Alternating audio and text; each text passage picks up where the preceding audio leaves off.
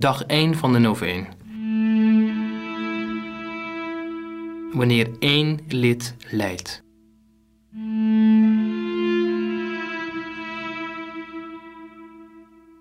De hoeveelheid leed waar we de laatste tijd mee geconfronteerd worden is onbeschrijfelijk. Wederom horen we dat kinderen seksueel misbruikt zijn door priesters en bisschoppen. We lezen dat de kerkelijke gezagsdragers schaamteloos misbruik maken van het vertrouwen dat in hen is gesteld. Het lijden dat jonge mensen en hun familie is aangedaan is onmetelijk en onherstelbaar. Alle getroffenen zijn hierdoor voor het leven getekend, tot in het diepst van hun meest persoonlijke en intieme relaties.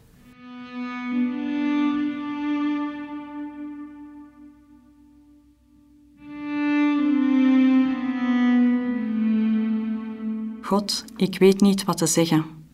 Verbijsterd aanschouw ik al het kwaad dat is teweeggebracht door vertegenwoordigers van de kerk.